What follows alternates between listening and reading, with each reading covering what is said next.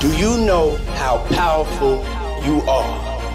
If you want to build something big, hard work is the first, second, and third part of the formula. Welcome to Actors Podden.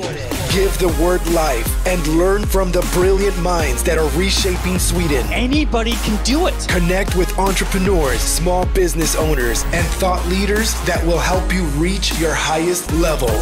We're going to do this together. This is Actors Podden with Johan Moder Johan Mortensson. Och som alltid i Aktörsbaren så börjar vi alltid fråga Marcus, hur har dagen varit så här långt? Dagen har varit eh, bra tycker jag.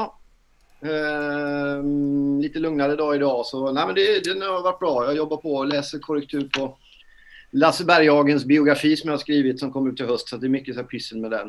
Eh, sen så förberett lite möte eller eh, intervjuer till Studio Allsvenskan och så så det är fullt upp. Men vad, det här med liksom hur, hur, om vi börjar med dagen då liksom, är det är alla dagar likadana nu liksom? Är det mycket fokus på det här med, med Lasse Berghagen och komma ut med den boken liksom? Eller hur, hur fördelar du tiden liksom? Ja, det är två ben egentligen yrkesmässigt som mitt liv står på numera. Det, det var spretigare förr, vi kanske återkommer till det, men det var, nu är det ju Ena delen är Studio Allsvenskan som är en podcast som jag är programledare för, eh, som är stor och, och bra. eh, och det är det ena benet och det är egentligen en heltid där. Och sen så har jag en heltid till eh, som är att skriva andras eh, böcker, alltså biografier och, och sådär.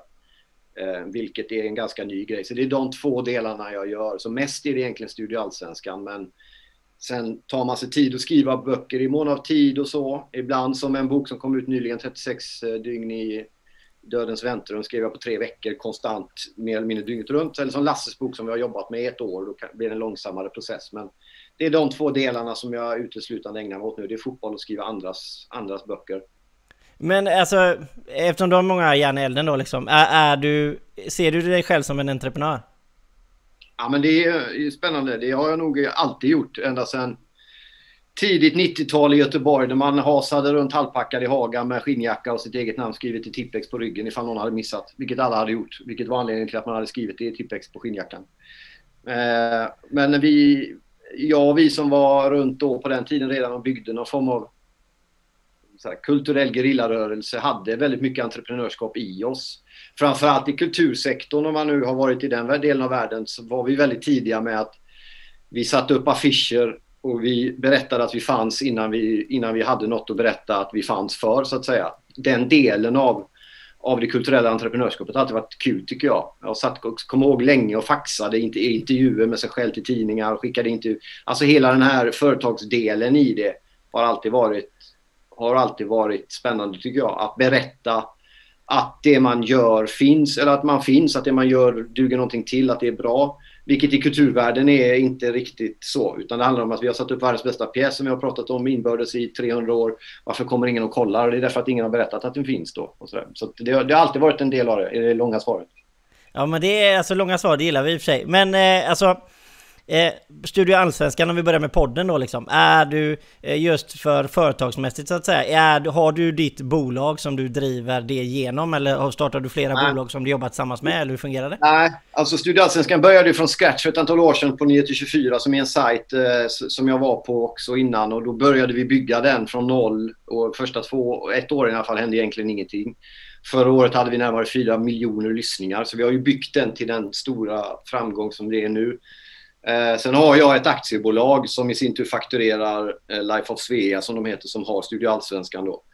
Och där kan man ju tycka och tänka, vi hade säkert kunnat tjäna mycket mer pengar om vi hade köpt oss fria. Det finns en annan stor podd som heter Toto Balutto som drivs av några som, själv, som har löst det på ett entreprenörskap på ett bättre sätt för deras ekonomi. Så. Å andra sidan hade vi, hade vi aldrig kunnat bygga Studio Allsvenskan om vi inte hade haft plattformar när ingen lyssnade heller. Så att det är som det är liksom. Men eh, Eh, jag har ju som sagt ett bolag som fakturerar min tid som jag lägger på Studio Allsvenskan och eh, även då för böckerna, det är ju samma då. Men så du, så du är lite som en konsult då kan man säga eller? Ja men det, det blir jag ju programledare för podden och den tiden jag lägger, och det är ju en heltidstjänst, så fakturerar jag en summa i månaden för det. Och sen så är ju, där har man ju sin fasta punkt, det är Studio Allsvenskan. Sen böcker kommer och går. Nu sista tiden har det varit väldigt mycket och väldigt, väldigt eh, bra inflöde. Men det är ju mer osäkert. I, det kan jag inte veta om jag har en bok att skriva om, om tre månader. Eftersom jag inte bara skriver mina egna historier utan andras nu då. Vilket är mycket roligare än att rota i sitt eget jävla privatliv hela tiden. Så det är mer osäkert, men ja, det är två, två ben att stå på. Ja men precis, men just det här med att du är en entreprenör som håller på med ordet liksom. Det är inte jättevanligt och som sagt det är inte jättevanligt heller att man blir liksom relativt känd på det man håller på med. Alltså hur är det att liksom sitta och få inspiration? Alltså hur vet du, var börjar du någonstans när du ska skriva någonting liksom? Ja, men börja första delen i det du säger så är det ju, jag är ju mycket mer intresserad av drivet och att nå ut och att vara med. Och jag har liksom inga problem med det. I kulturkretsar ses det ju på som ganska fult varför jag aldrig är en del av något svenskt kulturliv och aldrig varit och aldrig kommer bli.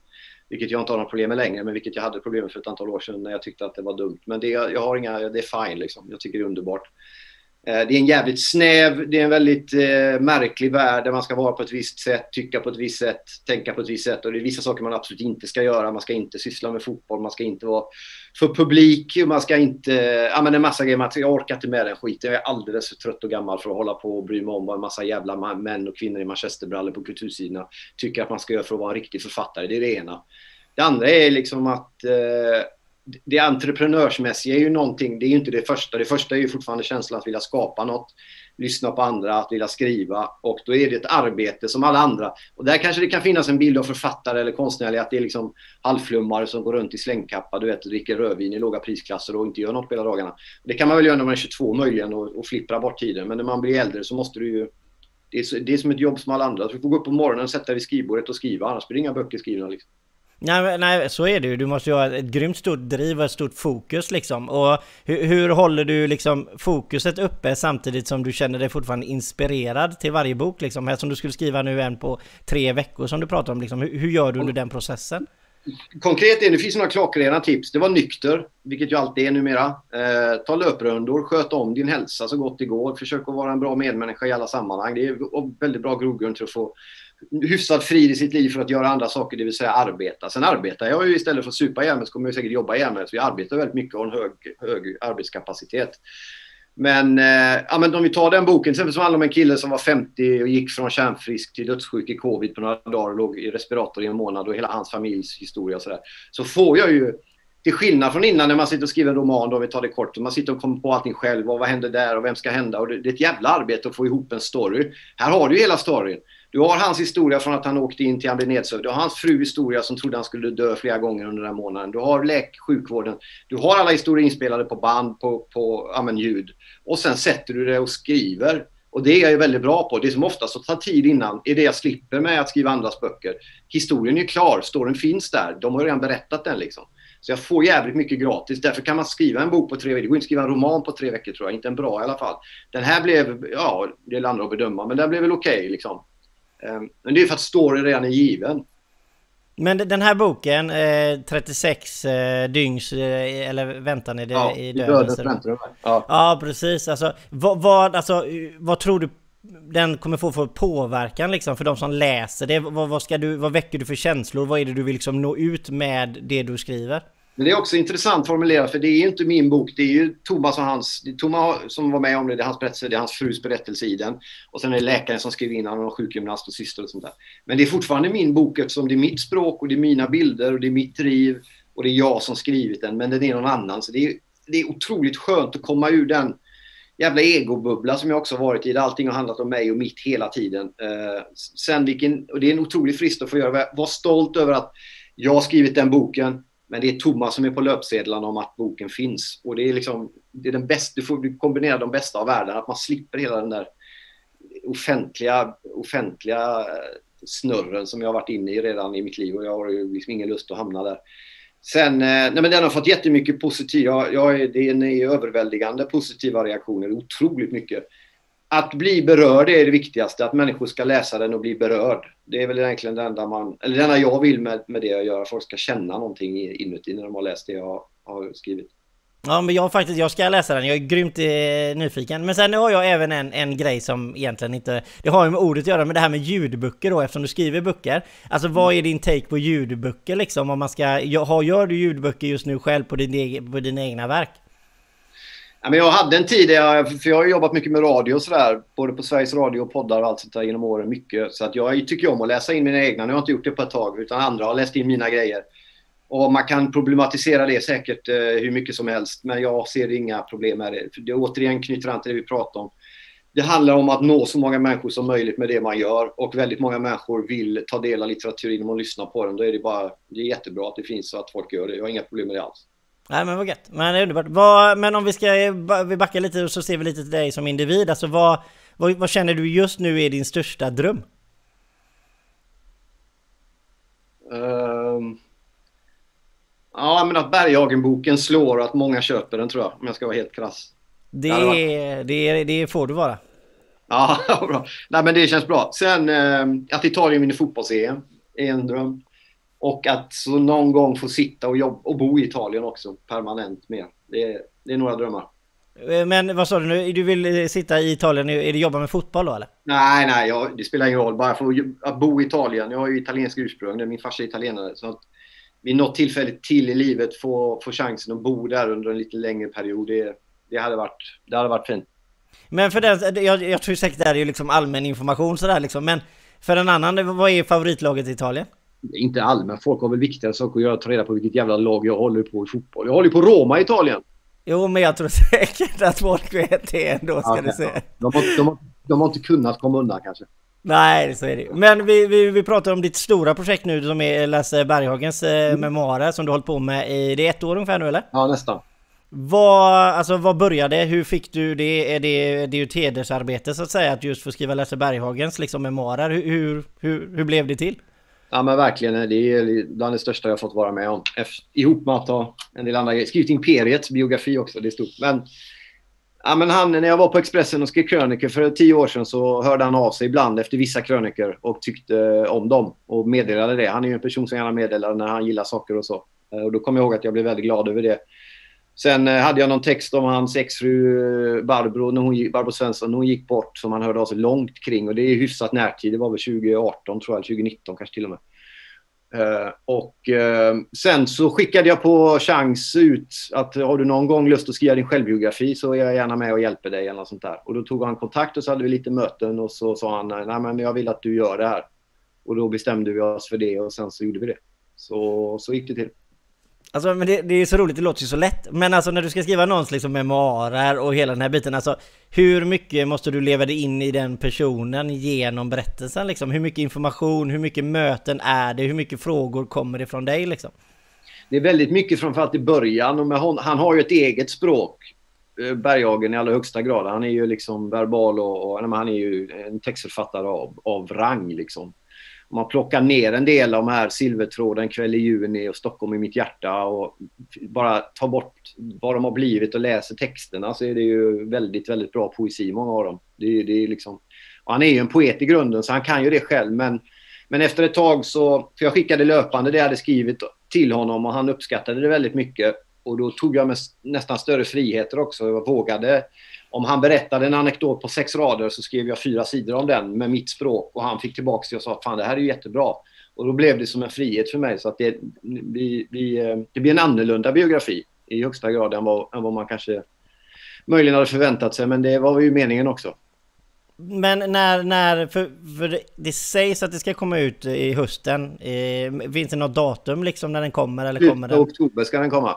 Okej, okay, vad roligt. Ja, men det ska, kommer det bli lite, alltså nu är det lite covid och grejer, men kommer det bli liksom lite launchparty eller? Ja, det hoppas vi. Det hoppas vi. Det är många, Djurgårdens ordförande, eller sportchef Bosse Andersson har redan bjudit in sig själv genom att skicka en video där han sjunger kväll i juni i sin bil och sånt där. Så det kommer nog bli, det kommer nog bli, förhoppningen är att vi kan göra, och går det om, om allt är möjligt så ska vi väl kanske göra något på någon teater och prata och, och signera. Liksom. Vi får se vad som händer.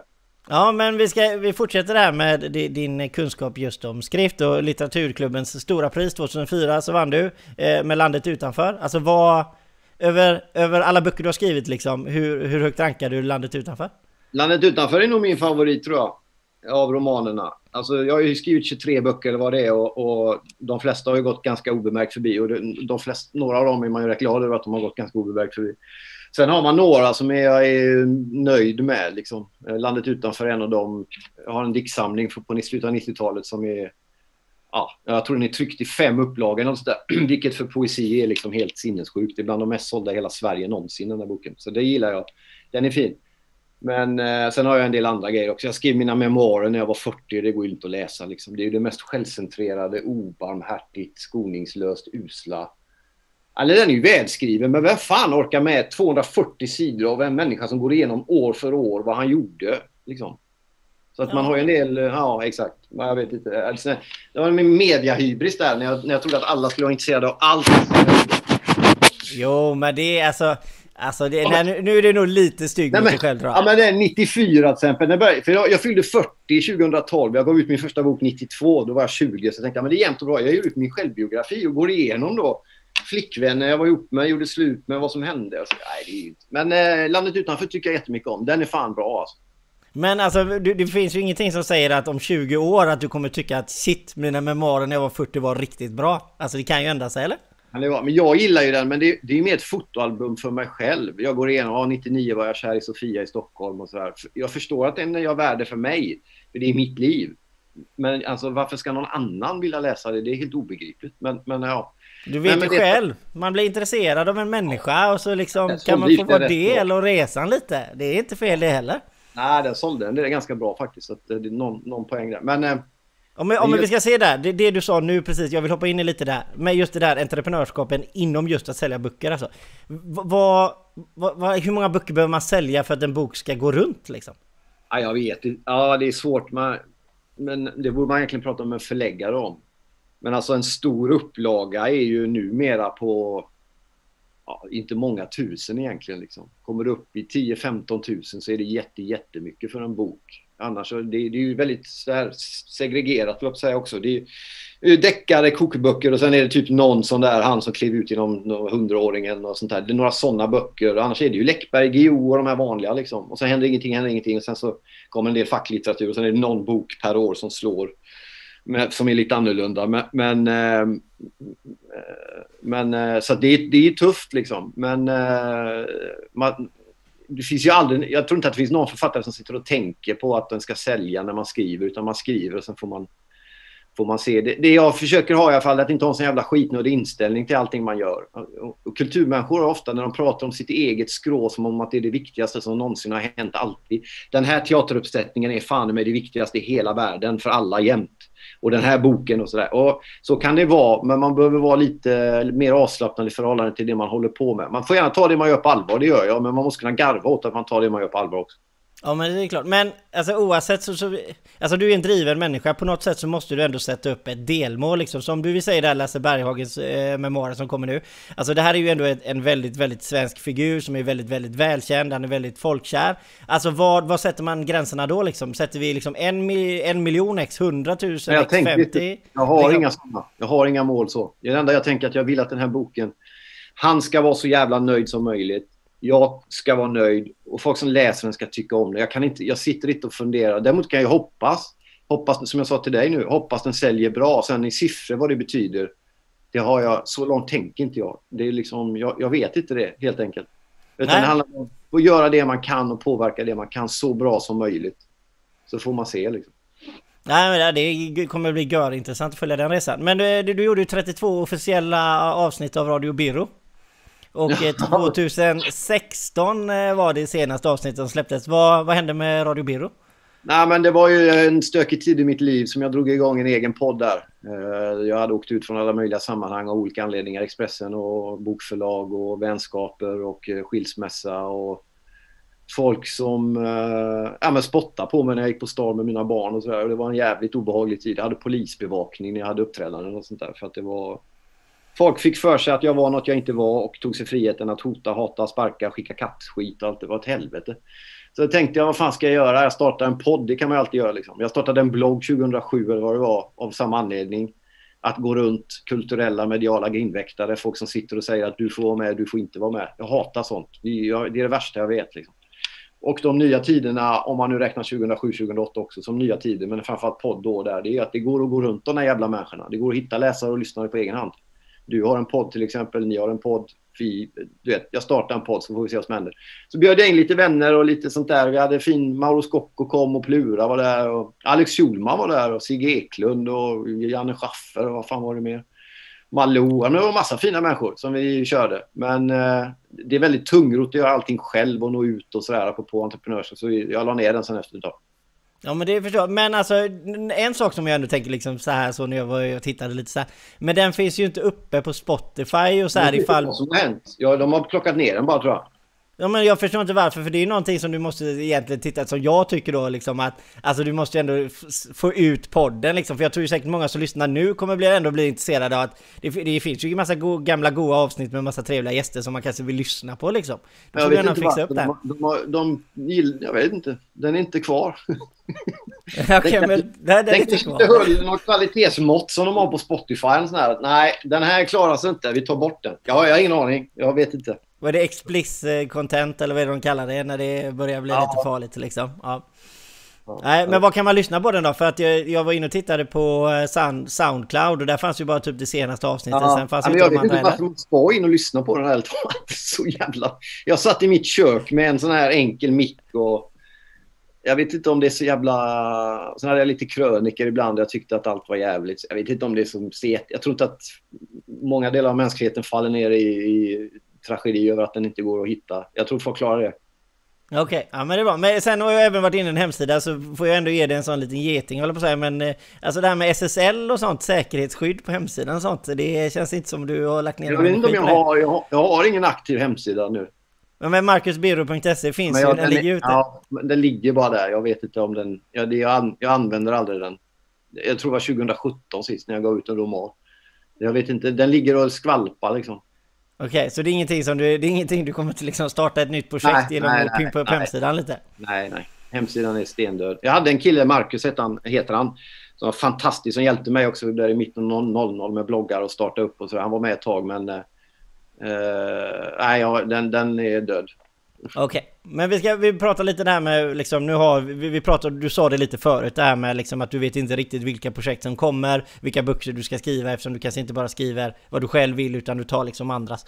Alltså vad behövs det finnas för parametrar för att någon ska komma till dig och säga Marcus, kan du skriva min bok? Vad är det många, du söker? Vad är det som många, behövs? Många hör av sig. Det är jättemånga som hör av sig med sina... Och, och det, man märker att det finns ett stort behov av människor, hos människor att vilja berätta sitt livs historia vilket jag tycker är otroligt därför att det är helt sant. Alla människor har, sin, har minst en bok i sig, liksom, sitt liv. Och det gäller, alla är unika på det. Sen, eh, men för att jag ska kunna göra det så krävs det ju att det finns en möjlighet till att ett förlag nappar.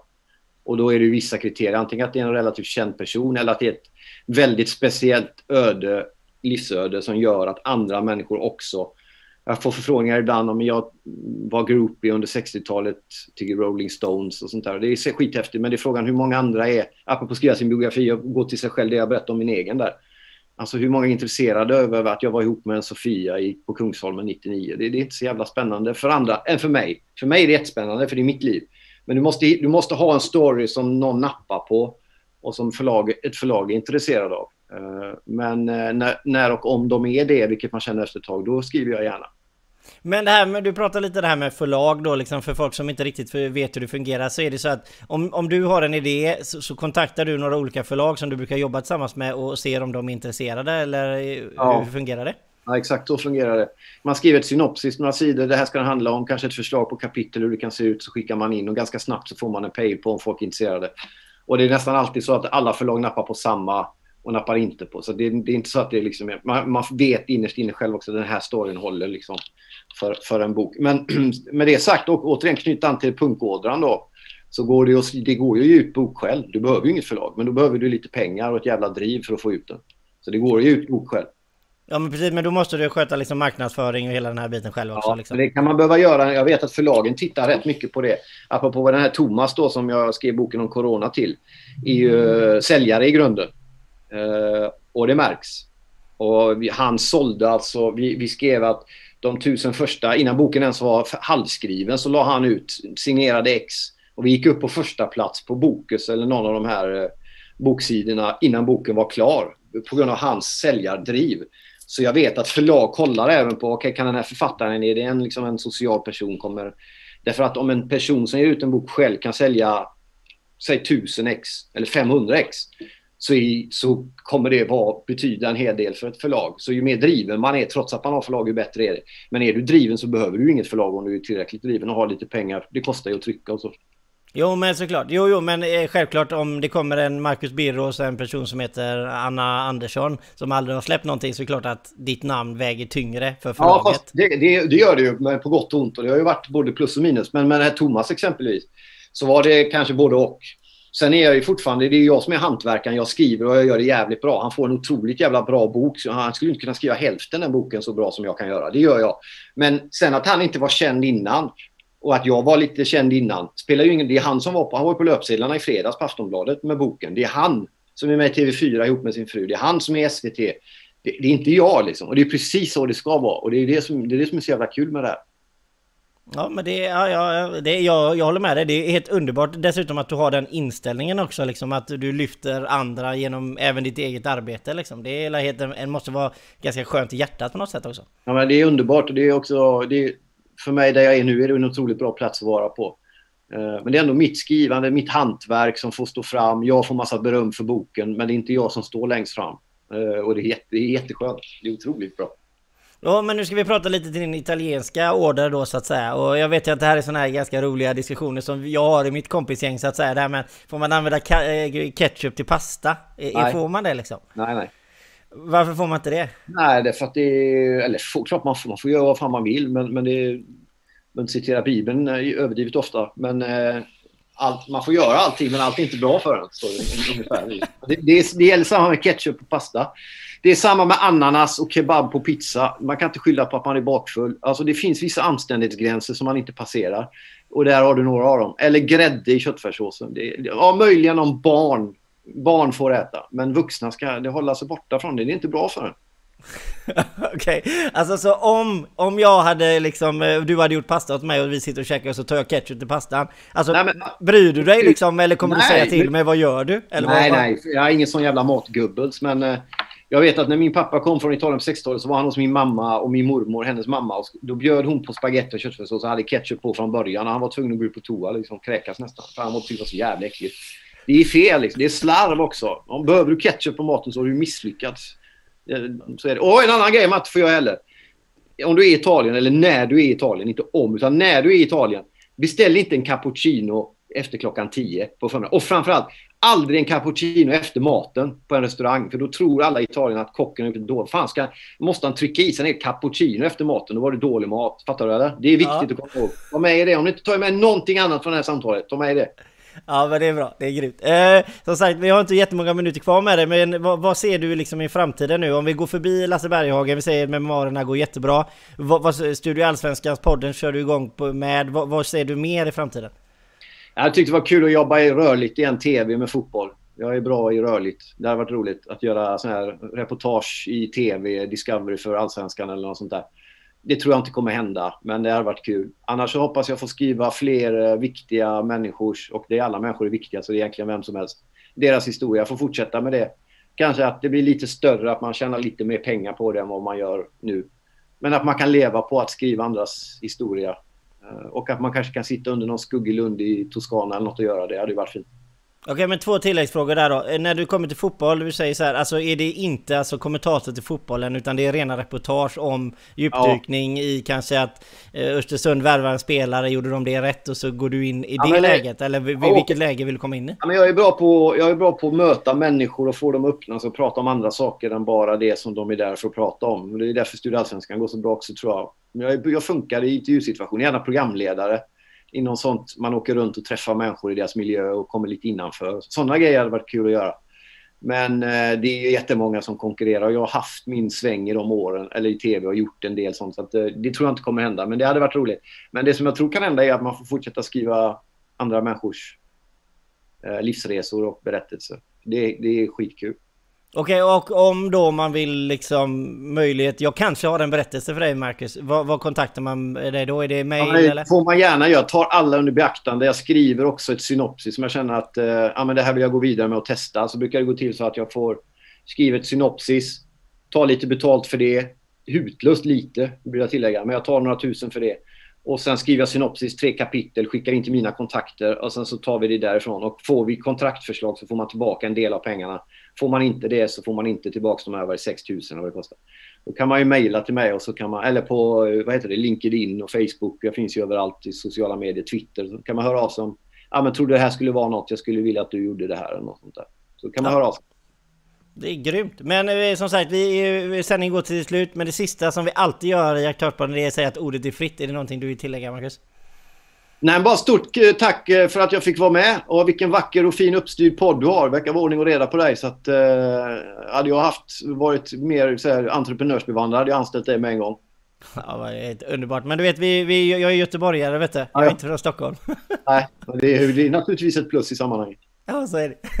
äh, men helt underbart Marcus. Jag tackar så himla mycket att du har varit med och det har varit skittrevligt. Och är det så att ni vill kontakta Marcus, gör det på LinkedIn och, och Facebook, alla möjliga om ni har eh, där. Och jätteroligt för er som eh, chattade med oss. Eh, som sagt, vi hade inte riktigt tid att ta upp er idag. Men som sagt, jag heter Johan Mod Johan Mårtsson och ni har lyssnat på Aktörspodden. Ha det så himla bra. Hej hej!